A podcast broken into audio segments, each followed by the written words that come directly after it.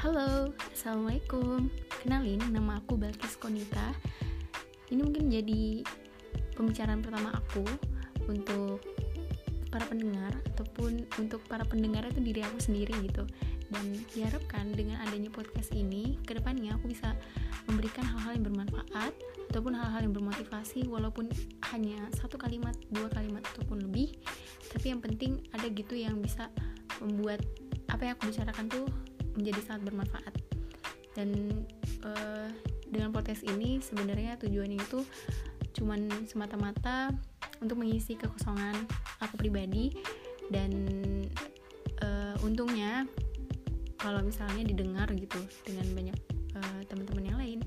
Oke itu aja. Terima kasih. See you next podcast